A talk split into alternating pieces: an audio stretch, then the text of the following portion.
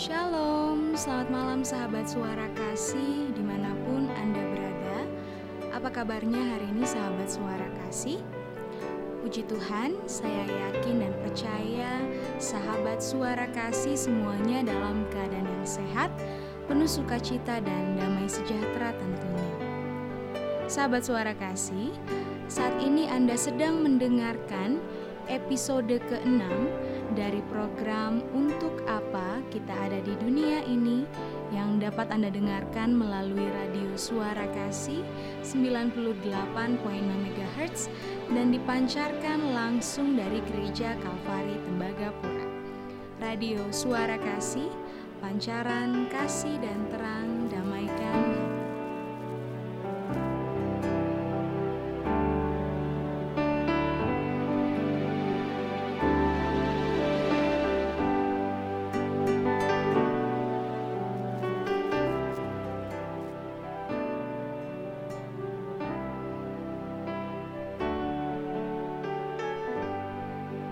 Sahabat suara kasih, pada episode ke-6 kita hari ini, pembacaan kita berjudul Hidup adalah Penugasan Sementara.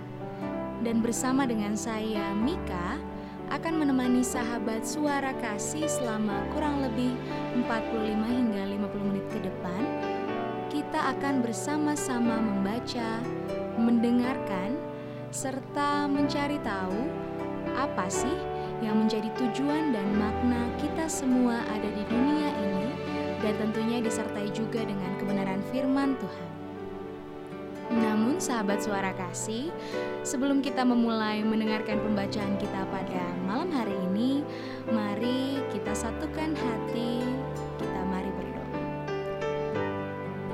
Selamat malam Bapa, selamat malam Yesus, selamat malam Roh Kudus. Kembali kami menyapa kehadiratmu yang kudus dan mulia. Kami mengucap syukur Tuhan atas segala penyertaan dan pemeliharaan Tuhan sepanjang hari ini. Terkhusus pada saat ini kami rindu akan hadiratmu dan kami hendak mempersiapkan hati dan pikiran kami untuk mendengarkan renunganmu pada saat ini. Daripada itu semua Tuhan, kami mohon ampun atas segala pelanggaran dosa kami, baik yang disengaja maupun tidak, sehingga hidup kami kiranya boleh berkenan di hadapan-Mu. Inilah kami ya Tuhan, hati dan pikiran kami telah siap. Berbicaralah kepada kami ya Tuhan.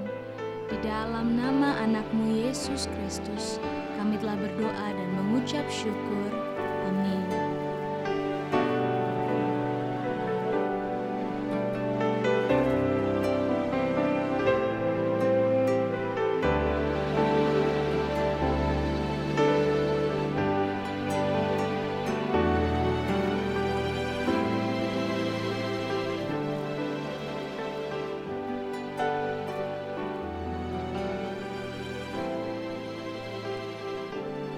Sahabat suara kasih, sesuai dengan judul bacaan kita pada hari ini, kita mau sama-sama belajar nih bagaimana memaknai hidup kita yang adalah penugasan sementara. Namun sebelum kita mendengarkan pembacaan renungan ini lebih jauh lagi, mari kita dengarkan sebuah pujian yang berjudul Hidup ini adalah kesempatan. Selamat mendengarkan. Saudara-saudara kekasih Tuhan Yesus, jangan sia-siakan hidup ini. Masih ada kesempatan kita untuk menjadi berkat.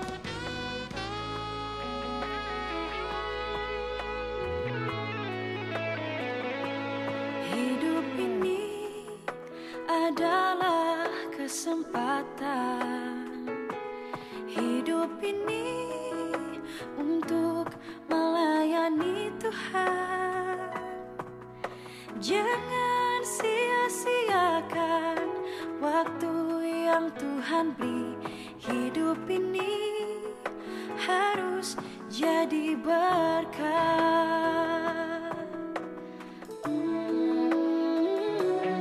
Hidup ini adalah kesempatan hidup ini untuk melayani Tuhan.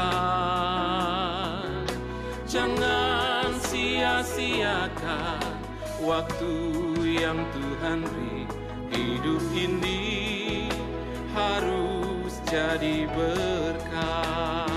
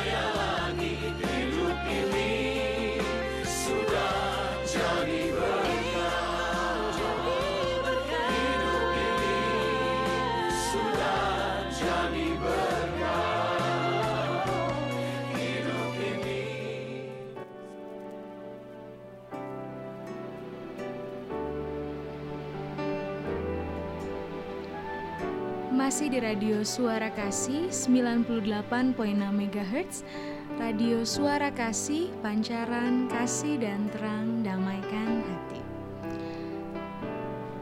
Mazmur pasal 39 ayatnya yang kelima berbunyi demikian.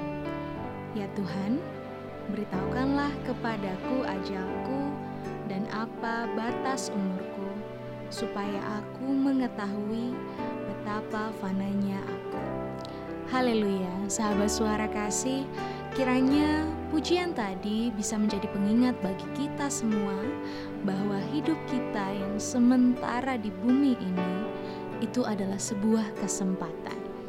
Jadi, kita harus menggunakan kesempatan itu sebijak mungkin agar kelak kita dapat memperoleh hidup yang kekal bersama Bapa di surga. Sahabat suara kasih, jika kita memerhatikan pada siaran untuk apa kita ada di dunia ini episode 5 yang lalu, kita sudah membahas dua metafora kehidupan yang Allah gambarkan pada Alkitab. Dan saat ini kita akan membahas satu metafora lagi yaitu kehidupan adalah penugasan sementara. Kita tentunya tahu bahwa segala sesuatu yang ada di dalam dunia ini itu adalah sementara. Itu adalah fana, itu hanyalah titipan. Hari-hari depan yang akan kita lalui masih dalam bentuk perkiraan atau perencanaan atau bayang-bayang. Gak ada satupun yang kita tahu apa yang akan terjadi di dalam kehidupan kita selanjutnya. Dan kehidupan kita ini kian silih berganti tentunya. Dan hingga pada akhirnya ketika Tuhan datang untuk yang kedua kalinya dan di situlah hidup kita yang sesungguhnya akan ditentukan. Apakah kita akan menerima hidup yang kekal bersama Bapa di surga atau kita kekal tapi di neraka? Maka dari itu, sahabat suara kasih, agar kehidupan kita ini bisa kita manfaatkan dengan optimal, dengan maksimal, dan memiliki makna, kita tidak boleh melupakan dua kebenaran ini. Kebenaran yang pertama adalah dibandingkan dengan kekekalan, hidup kita sungguhlah singkat. Dan yang kedua, bumi hanyalah tempat tinggal sementara kita nggak akan lama berada di sini. Jadi, kita jangan terlalu terikat ya dengan kehidupan duniawi. Kemudian nih sahabat suara kasih, mintalah kepada Tuhan untuk memampukan kita memandang kehidupan kita di bumi ini sebagaimana Tuhan memandangnya. Alkitab berulang kali membandingkan kehidupan di bumi dengan kehidupan sementara di negeri asing. Jadi dunia ini bukanlah rumah permanen atau tujuan akhir kita ya, sahabat suara kasih. Kita hanya lewat, kita hanya berkunjung di bumi. Alkitab juga sering kali memakai istilah makhluk asing, peziarah, orang asing, pendatang atau pengunjung, dan juga musafir untuk menggambarkan keberadaan yang singkat di bumi. Daud berkata di dalam kitab Mazmur pasal yang ke-190 119 ayat 19 begini bunyinya. Aku ini orang asing di dunia. Kemudian kalau kita lihat juga Rasul Petrus menjelaskan pada kitab 1 Petrus pasal 1 ayat yang ke-17 demikian bunyinya dan jika kamu menyebutnya Bapa, yaitu Dia yang tanpa memandang muka menghakimi semua orang menurut per perbuatannya, maka hendaklah kamu hidup dalam ketakutan selama kamu menumpang di dunia ini.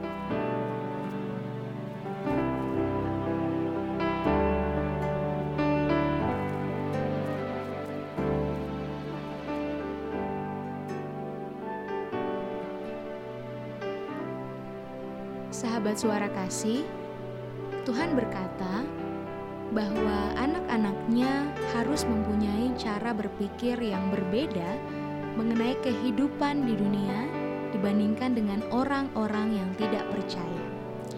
Maka jika kita baca pada kitab Filipi pasalnya yang ketiga ayat 20, demikian bunyinya. Karena keluargaan kita adalah di dalam sorga, dari situ juga kita menantikan Tuhan Yesus Kristus sebagai juru selamat. Nah, sebagai orang-orang percaya sejati tentunya mengerti bahwa ada hal yang jauh lebih besar daripada beberapa tahun yang kita lewati di dunia ini. Identitas kita adalah kekekalan dan tanah air kita adalah surga. Jika kita tidak memahami kebenaran ini, maka kita nanti akan menjadi khawatir terus tentang memiliki segalanya. Kita jadi rasanya ingin memiliki semuanya. Kita tidak pernah mengerti rasa cukup. Dan Tuhan juga sangat terus terang tentang bahayanya hidup untuk tinggal di sini dan sekarang dan tentang mengadopsi nilai, prioritas dan gaya hidup di dunia di sekitar kita. Jadi, jika kita nggak bisa menjaga mata kita di dunia ini, menjaga pola hidup kita, dan misalnya menggunakannya untuk melakukan hal-hal yang tidak baik, maka Tuhan menyebut bahwa kita sudah melakukan perzinahan rohani. Seperti kalau kita baca pada kitab Yakobus pasal yang keempat, ayat yang keempat, versi terjemahan baru demikian bunyinya. Hai kamu, orang-orang yang tidak setia. Tidakkah kamu tahu bahwa persahabatan dengan dunia adalah permusuhan dengan Allah? Jadi, barang siapa hendak menjadi sahabat dunia ini, ia menjadikan dirinya musuh Allah. Nah, sahabat suara kasih, coba deh bayangkanlah jika kita ditugaskan nih oleh negara kita, oleh pemerintahan kita untuk menjadi duta besar di negara musuh misalnya. Pastinya kan kita akan belajar ya bahasa baru serta mengadaptasi beberapa kebiasaan dan perbedaan budaya supaya kita bisa bersikap sopan dan mencapai misi kita di negara musuh kita ketika kita menjadi duta besar. Dan sebagai duta besar, kita nggak mungkin mengisolasi diri kita dari musuh. Karena untuk menyelesaikan misi, kita harus melakukan kontak, harus berhubungan dan berelasi dengan mereka. Tetapi nih, katakan saja tiba-tiba kita menjadi begitu nyaman sehingga kita malah jatuh cinta dengan negara asing tersebut dan memilihnya menjadi tanah air kita. Dan pastinya di situlah kesetiaan dan komitmen kita di awal itu berubah.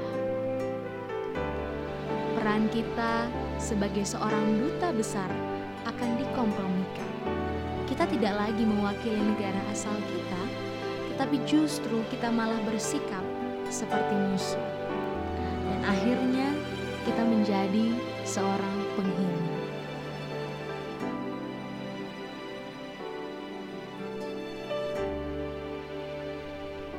Sahabat suara kasih, jika kita baca nih pada Alkitab yang ada di dalam kitab 2 Korintus pasal 5 ayat yang ke-20 versi terjemahan baru, demikian. Jadi, kami ini adalah utusan-utusan Kristus. Nah, dari ayat ini sebenarnya sudah jelas sekali ya, bahwa kita ini adalah utusannya Kristus di bumi namun sedihnya, banyak orang Kristen yang telah mengkhianati raja mereka dan kerajaannya. Dengan bodoh, mereka menyimpulkan bahwa karena mereka tinggal di bumi, bumilah rumah mereka. Padahal maksudnya bukan seperti itu, sahabat suara kasih. Alkitab dengan jelas berkata pada kitab 1 Petrus pasal yang kedua ayat 11, versi Alkitab mudah dibaca demikian bunyinya. Kawan, dunia ini bukanlah rumahmu. Jadi jangan membuat dirimu nyaman di sana. Jangan manjakan egomu dengan taruhan jiwamu. Tuhan sendiri memperingatkan kita untuk tidak terlalu terikat pada apa yang ada di sekitar kita. Karena itu, semuanya bersifat sementara kita juga dinasehati kalau kita bisa baca di dalam 1 Korintus pasal yang ke-7 ayat 31 berbunyi demikian. Pendeknya orang-orang yang mempergunakan barang-barang duniawi seolah-olah sama sekali tidak mempergunakannya. Sebab dunia seperti yang kita kenal sekarang akan berlalu.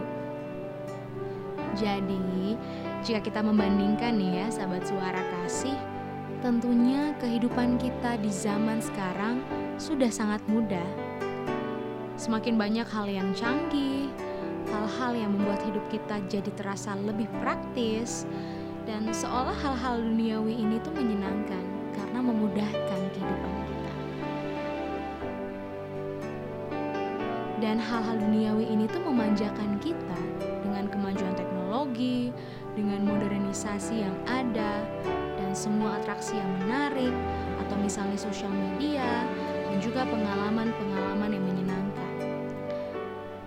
Memang pada masa kini sangat mudah untuk melupakan bahwa pengejaran kebahagiaan bukanlah tujuan hidup yang sebenarnya.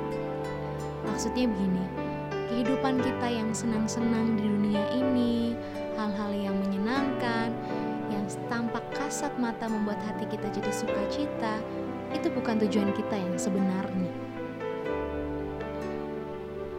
Jadi, kalau kita ingat bahwa kehidupan kita ini sebenarnya adalah ujian, kehidupan kita ini adalah kepercayaan dan penugasan sementara, maka segala hal, segala daya tarik dunia ini itu akan hilang cengkramannya dari kehidupan kita. Karena apa? Karena kita sadar bahwa kehidupan kita itu adalah momen di mana kita mempersiapkan untuk hal yang jauh lebih baik, yaitu kehidupan yang kekal. Seperti ada tertulis di dalam kitab 2 Korintus pasal 4 ayat 18b, versi terjemahan baru demikian bunyinya. Karena yang kelihatan adalah sementara, sedangkan yang tak kelihatan adalah kekal.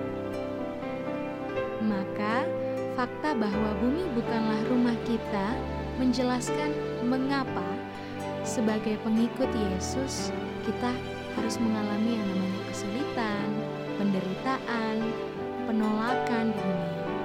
Dan hal ini juga yang menjelaskan mengapa sebagian dari janji-janji Tuhan kelihatannya kok gak digenapi ya dalam kehidupan kita. Lalu mungkin kita juga merasa ada doa-doa kita yang tidak dijawab. Dan mungkin kita mengalami situasi, mengalami ketidakadilan di tempat kita pada padahal hal-hal tersebut bukanlah akhir kisah kita di bumi ya sahabat suara kasih. Maka dari itu, agar kita nggak terlalu terikat dengan hal-hal duniawi, Tuhan mengizinkan kita untuk merasakan yang namanya ketidakpuasan di dalam hidup. Misalnya, kerinduan yang tidak akan pernah dipenuhi di sisi kekekalan.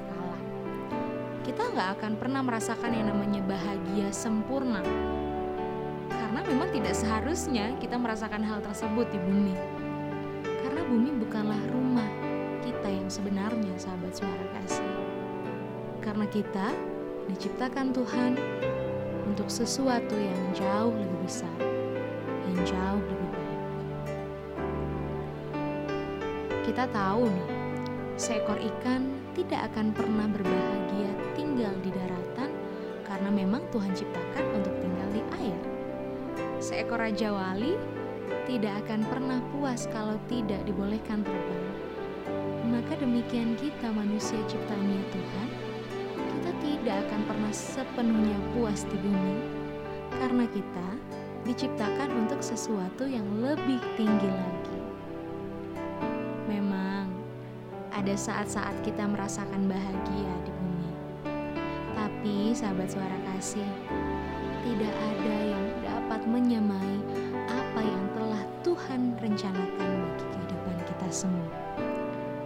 Dengan menyadari bahwa hidup di bumi hanyalah penugasan sementara, harusnya kita bisa mengubah nilai-nilai di dalam hidup kita.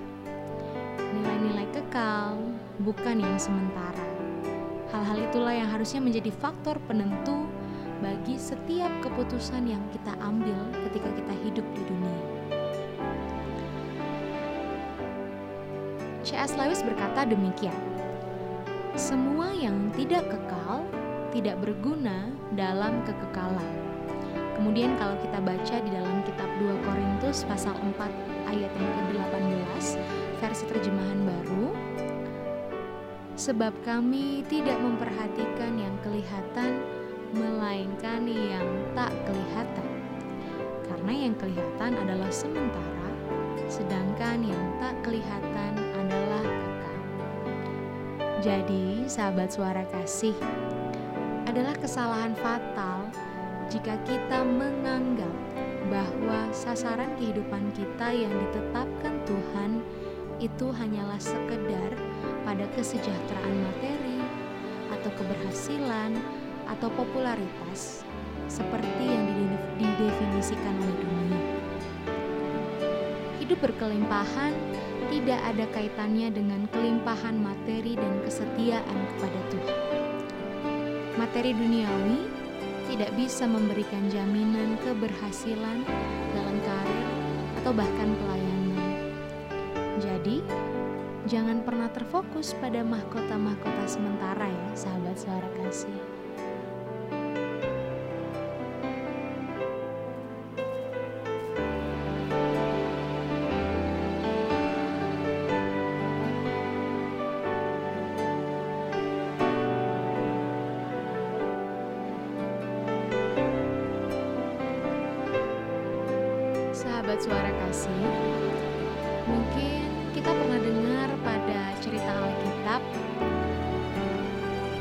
Paulus seorang yang setia tetapi akhir hidupnya berakhir di penjara. Kemudian kita juga pasti mengenal Yohanes Pembaptis yang juga adalah setia tetapi dipenggal kepalanya. Jutaan orang setia telah menjadi martir, telah kehilangan segalanya, atau bahkan mengakhiri hidupnya dengan tidak dapat membanggakan apa pun. Tetapi akhir hidup di dunia ini bukanlah akhir yang sebenarnya.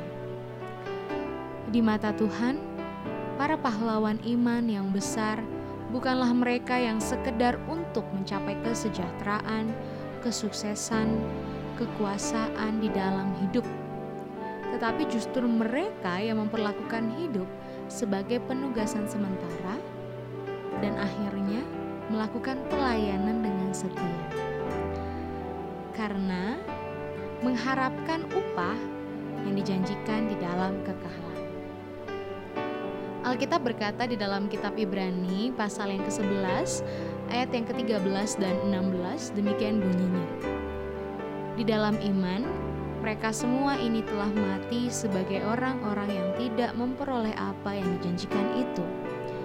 Tetapi yang hanya dari jauh melihatnya dan melambai-lambai kepadanya dan yang mengakui bahwa mereka adalah orang asing dan pendatang di bumi ini. Tetapi sekarang mereka merindukan tanah air yang lebih baik, yaitu satu tanah air surgawi. Sebab itu, Allah tidak malu disebut Allah mereka, karena Ia telah mempersiapkan sebuah kota bagi mereka. Dari ayat yang barusan saja kita dengarkan, kita tahu nih, sahabat suara kasih, bahwa waktu kita di bumi bukanlah kisah lengkap kehidupan kita. Kita harus menunggu sampai tiba di surga untuk bisa menuliskan bab-bab selanjutnya. Dan diperlukan iman untuk hidup di bumi sebagai orang asing yang setia kepada Allah. Sahabat suara kasih, kita tidak akan berada di surga dua detik sebelum berseru, "Mengapa aku menganggap begitu penting hal-hal yang sementara saja? Apa yang selama ini aku pikirkan? Mengapa aku selama ini membuang waktuku, energiku, dan perhatian untuk hal-hal yang tidak kekal, hal-hal yang fana?" Ketika hidup kita semakin sulit, ketika kita dilanda keraguan, atau misalnya kita bertanya-tanya, apakah hidup untuk Kristus itu adalah memang tidak sia-sia? Maka ingatlah bahwa saat ini kita belum sampai di rumah kita yang sebenarnya. Namun, nanti ketika kematian tiba, kita tidaklah meninggalkan rumah kita, tetapi kita justru pulang ke rumah kita yang sebenarnya. Jadi sahabat suara kasih, sebuah pertanyaan nih untuk kita renungkan bersama-sama sebelum mengakhiri renungan kita pada malam hari ini. Yaitu bagaimanakah seharusnya fakta bahwa di hidup kita ini adalah penugasan sementara dan apakah hal tersebut dapat mengubah cara hidup kita saat ini?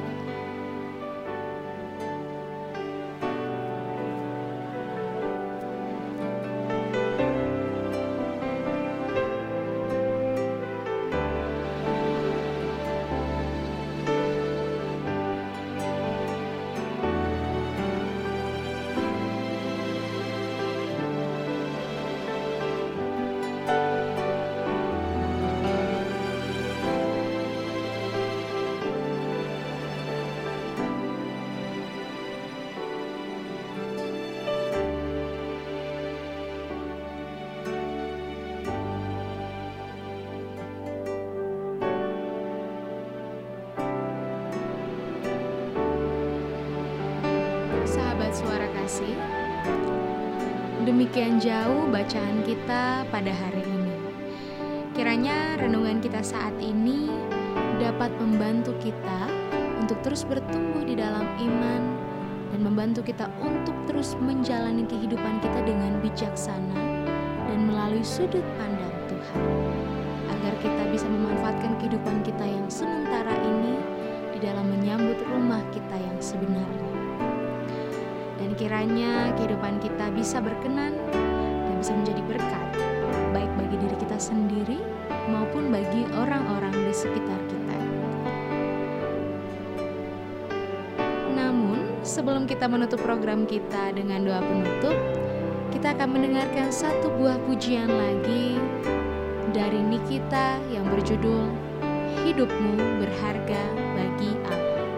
Selamat mendengarkan.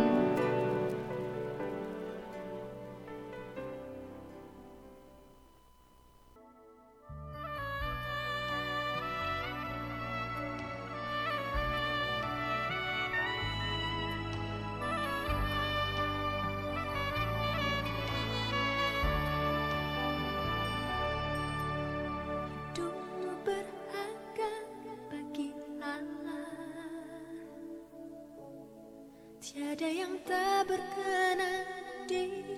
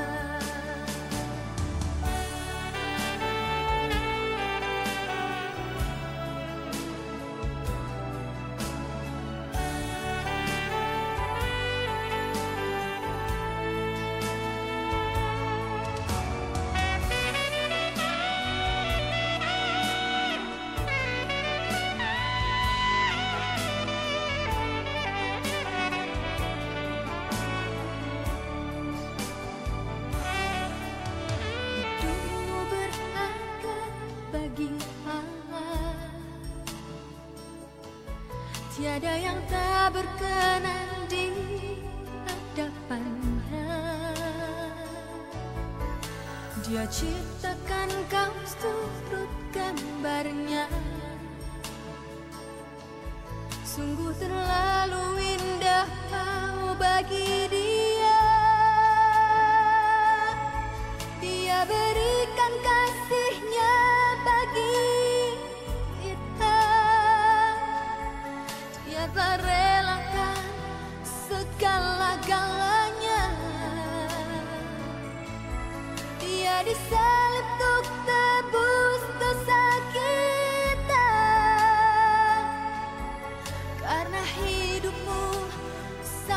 sangatlah berharga. Buluh yang terkulai takkan dipatahkannya. Dia akan jadikan indah. Sungguh lebih berharga. Telah pudar Takkan dipadamkannya. Dia akan jadikan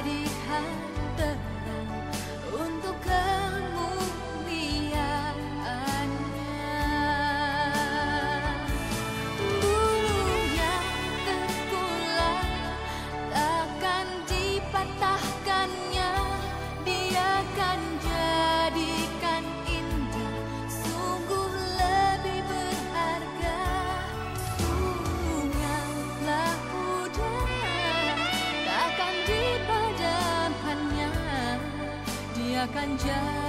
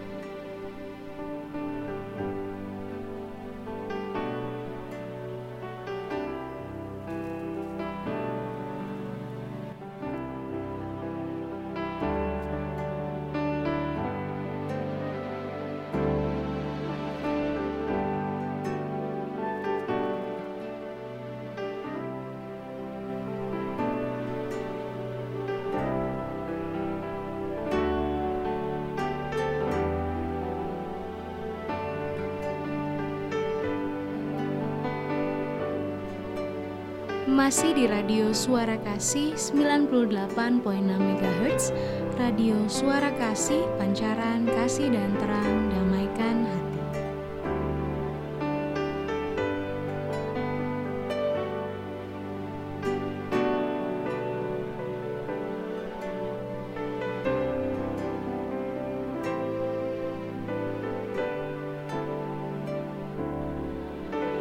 Sahabat Suara Kasih, tidak terasa kita sudah di penghujung acara kita pada malam hari ini.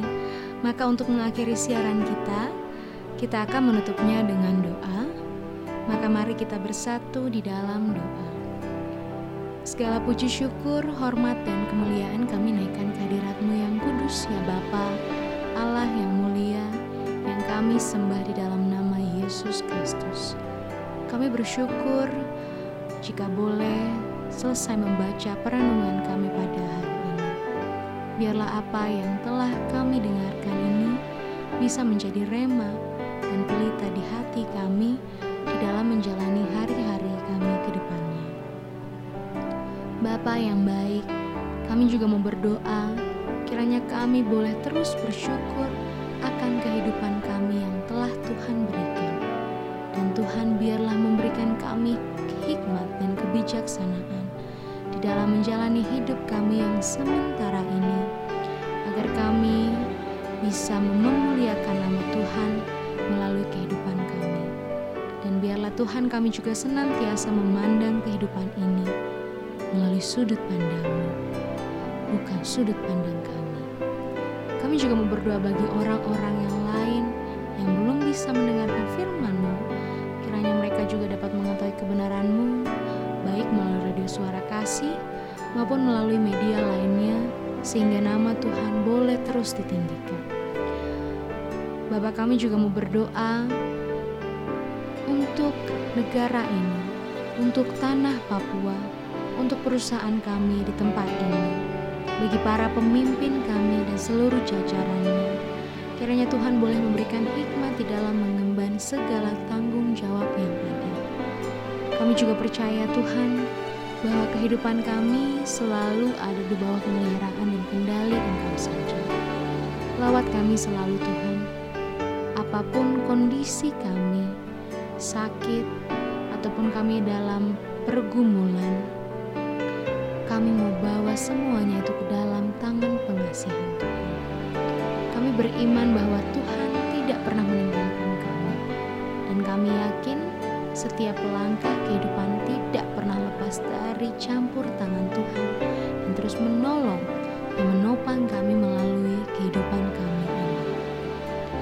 Kami juga berdoa Tuhan untuk gereja ini, gereja GKI Kalvari Tembagapura. Kami juga berdoa untuk radio suara kasih, baik seluruh program yang ada di dalamnya maupun para penyiarnya, dan juga seluruh pelayan yang ada. Kiranya Tuhan senantiasa memampukan untuk terus melayani demi hormat dan kemuliaan Allah. Daripada itu semua, kami juga sadar, Bapa, bahwa kami adalah manusia yang tak luput dari dosa. Maka ampuni kami, Tuhan, agar kami boleh layak di hadapan Engkau. Apabila seusai ini, Tuhan, kami akan melanjutkan aktivitas kami, pekerjaan kami. Kiranya Tuhan berkenan untuk menyertai kami. Kiranya Engkau berkenan menuntun kami agar apa yang kami lakukan boleh doa, ucapan syukur dan permohonan kami yang tentunya masih jauh dari sempurna ini. Tapi Tuhan kiranya yang menyempurnakannya. Kiranya Tuhan yang mendengarkan doa ini. Semuanya ini Tuhan kami alaskan hanya di dalam nama anakmu Yesus Kristus. Haleluya. Puji Tuhan. Amin.